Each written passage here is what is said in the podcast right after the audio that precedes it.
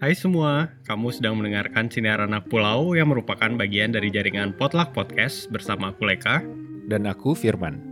Setiap kami sore, kami akan membahas topik-topik tentang kehidupan jauh dari rumah yang bisa kamu dengarkan lewat Anchor, Spotify, Apple Podcast, Google Podcast, dan platform podcasting terkemuka lainnya. Untuk tahu informasi lebih lanjut tentang Sinar Anak Pulau, kamu bisa follow kita di Instagram at Sinar Anak Pulau dan at Potluck Podcast. Hai Vi, Hey hey, gimana gimana? minggu-minggu ini minggu-minggu yang full kerja masih. Sama aja, nothing new, tapi kayaknya kamu nih justru ada cerita baru nih. Iya, kita ganti-gantian aja nih kayaknya. Iya, Tukeran oleh-oleh ya. iya. Tapi emang akhir tahun nih kayaknya hawa-hawa liburan tuh udah mulai tercium gitu lah kak. Iya, Dan biasanya akhir-akhir tahun gini eh, Bali udah mulai rame karena orang kayaknya ngabisin cuti ya. iya. Dan kemarin-kemarin ini aku sempet cari-cari aktivitas gitulah. Apa ya kira-kira weekend ini mau ngapain lagi, mau ngapain lagi tuh. Oke, eh, sedikit konteks mungkin ya Hmm. eh, buat teman-teman yang mungkin baru ngedengerin Sinar Pulau. Jadi Sinar Pulau ini selalu kita rekam dari dua tempat. Aku dari Jakarta dan kamu di Bali Hmm. dan Firman teman-teman itu udah tinggal di Bali. Jadi bukan bukan ke Bali buat work from Bali gitu ya, bukan bu- buat bekerja di Bali. Dan Hmm. beberapa hari yang lalu aku lihat di Insta Story kamu, Vi, Hmm, kamu sharing kegiatan yang seru kayaknya. hmm benar-benar. Ini seru dan baru buatku. Oke. karena eh, tempatnya baru, orang-orangnya baru semua. Terus ya kegiatannya benar-benar belum pernah aku lakuin sebelumnya sih.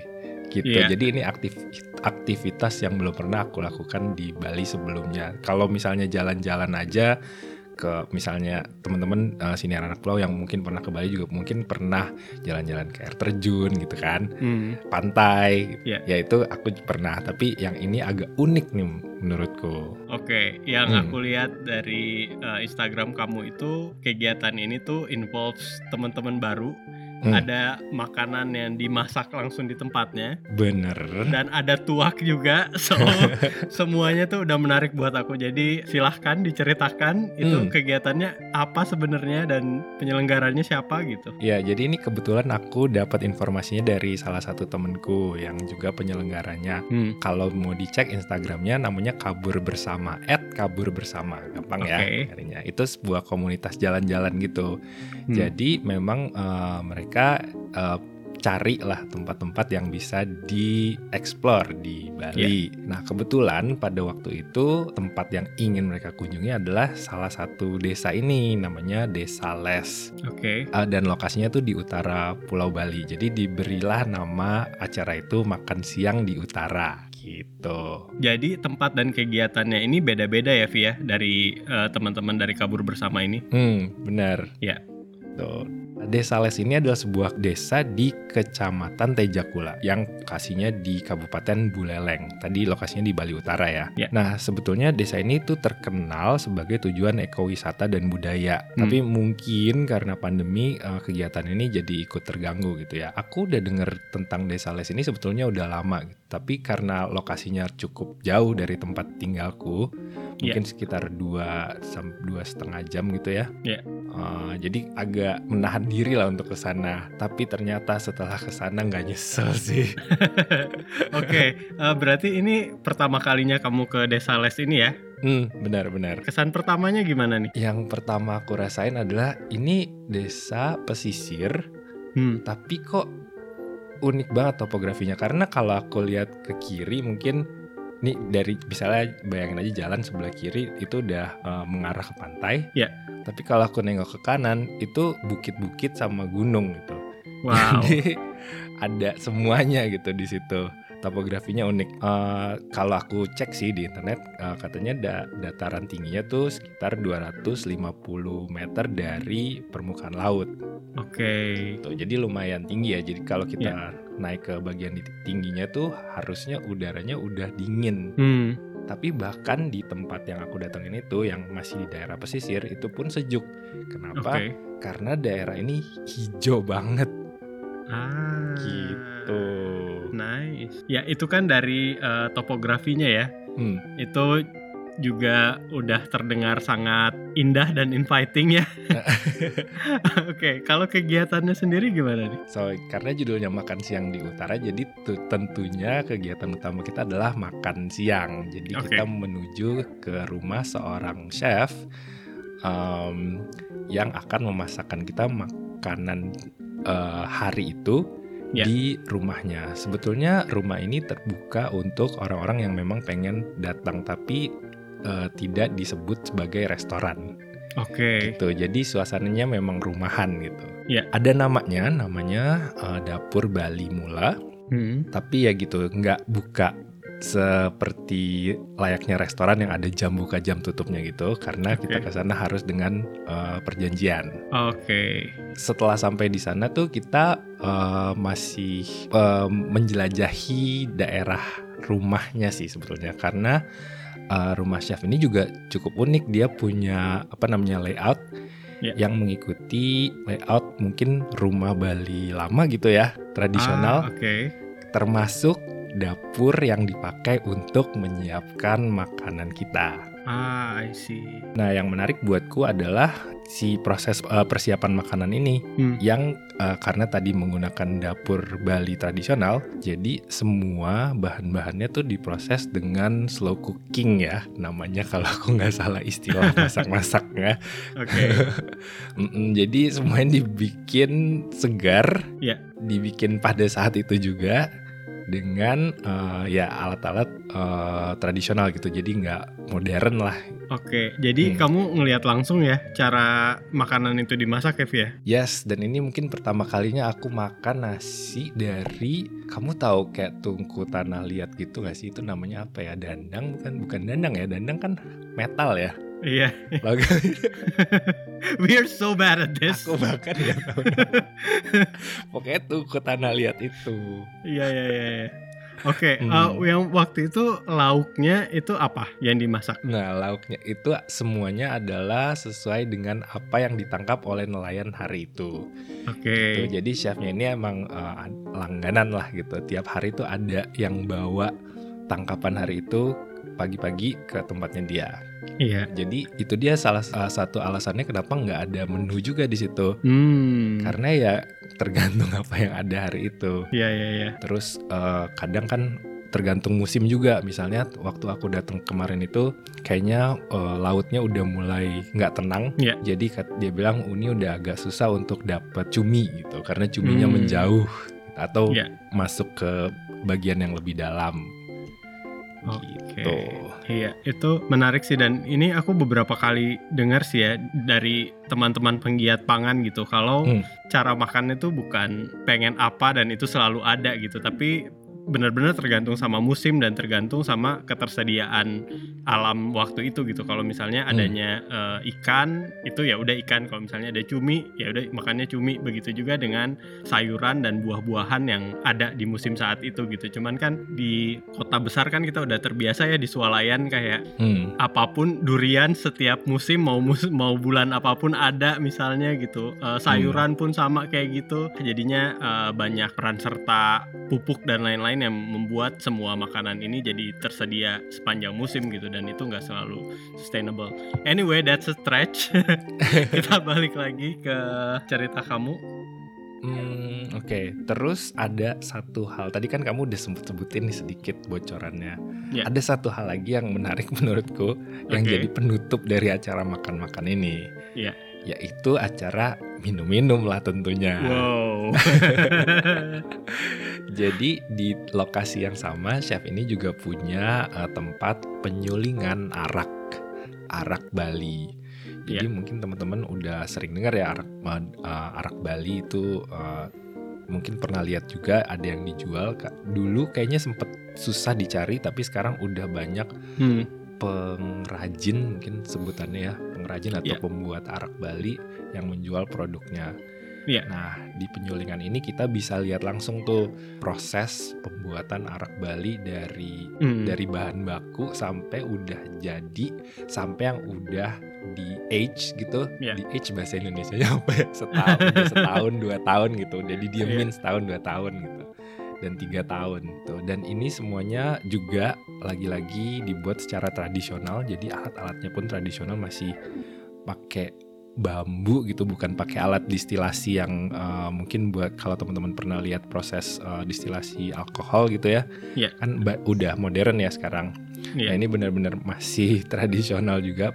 Alatnya semua dari bambu kayu dan lain-lain. Hasil distilasinya tuh benar-benar diambil kayak setetes demi setetes gitu sampai akhirnya jadi kekumpul satu guci dan gucinya pun juga uh, Gucci antik ya dia uh, kita sempat tanya ini dari mana oh ini uh, warisan turun temurun gitu. Wow. Oh, gitu. Dan yang aku lihat itu di Gucci itu itu jadi kayak dispenser gitu ya Vi ya, ya. jadi on tap ya minumnya wow.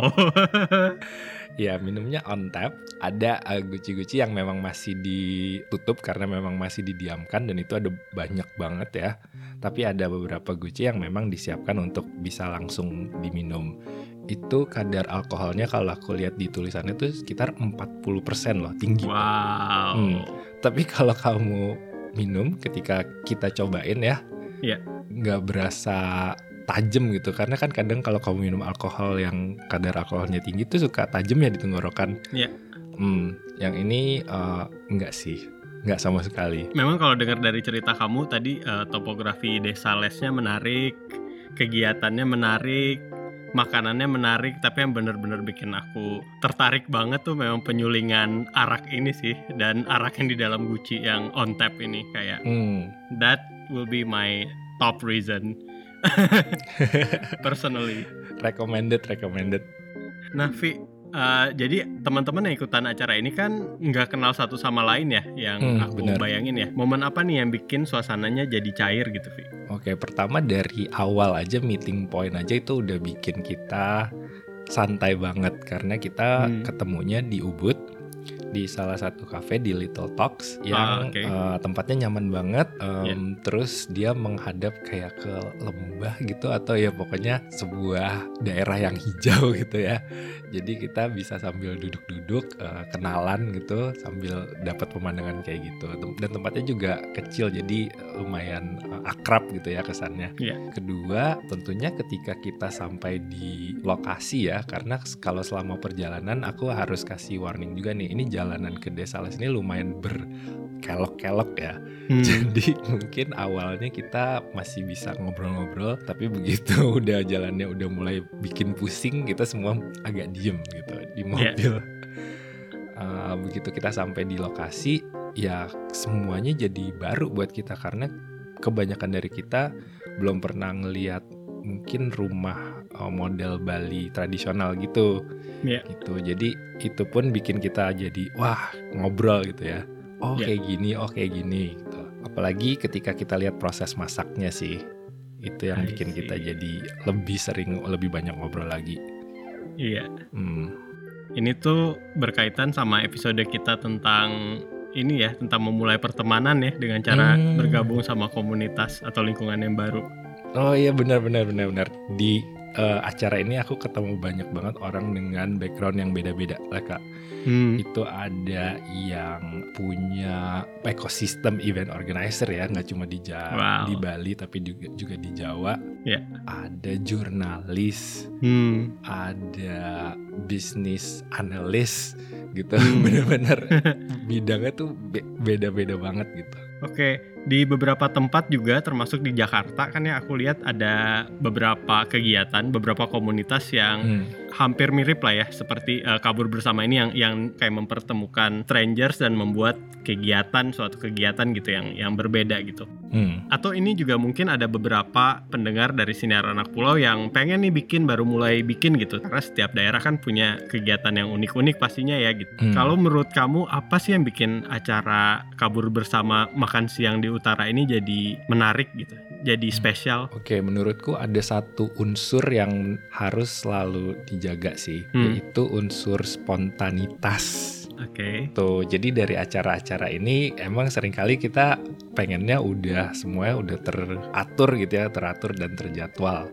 Yeah. Itu cuma uh, secara garis besar kita memang tahu apa yang akan kita lakukan gitu, tapi di antara itu kita bebas gitu mau ngapain sebetulnya. Iya. Gitu. Nah, di sinilah menurutku spontanitas itu penting karena di di antara jeda-jeda acara itulah tempat kita berinteraksi Hmm. satu sama lain gitu. Kalau misalnya kita semuanya terjadwal gitu ya, isinya pak jadwalnya penuh, tuh mungkin Hmm. kita nggak akan punya banyak waktu untuk berinteraksi. Di acara ini ada beberapa hal yang menjadi katalis sih memang karena acaranya sendiri kan acara makan siang ya, jadi kita memang Iya. duduk bersama di satu meja. Tentunya kita ngobrol banyak di situ. Iya. Tapi kita nggak bilang nanti akan ada perkenalan ya gitu. Oke. Tapi hal itu terjadi secara organik gitu, beneran akhirnya eh kenalan yuk gitu semuanya gitu. Akhirnya kita satu-satu memperkenalkan diri kayak gitu. Oke. Jadi memang disediakan ruang ya untuk Hmm. spontanitas gitu dan interaksi yang nggak dipaksakan lah ya. Iya betul. Ada hal lain gak Vi yang belum diceritakan yang mau diceritain tentang kegiatan ini? Menurutku eh, sekarang ini kan kita lagi mulai menggeliat ya Iya. untuk bepergian lagi.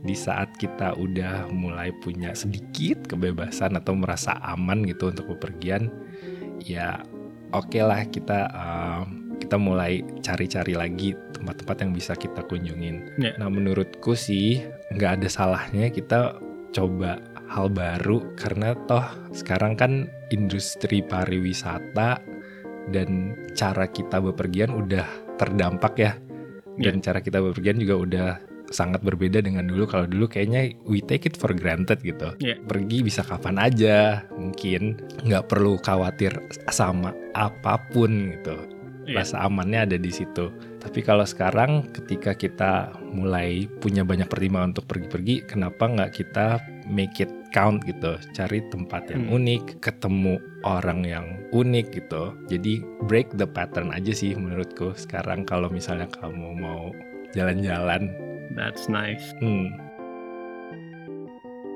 Oke Vi, thank you udah sharing. Kamu bikin aku pengen segera kembali lagi. ayo ayo. Sekarang masih musim hujan sih mungkin tapi semoga segera cerah lagi. Oke. Itu tadi obrolan kita tentang pengalaman Firman yang ikut kegiatan dari komunitas kabur bersama yaitu makan siang di utara. Nah, menurut kamu bagaimana tentang kegiatan ini? Apakah kamu juga tertarik ikut kegiatan ini atau kamu juga punya kegiatan yang mirip-mirip di daerah kamu? Kamu bisa Hmm. ceritain sama kita di Instagram kita @sinaranak_pulau atau kamu juga bisa meninggalkan pesan suara di deskripsi episode ini. Terima kasih sudah mendengarkan. Sampai jumpa.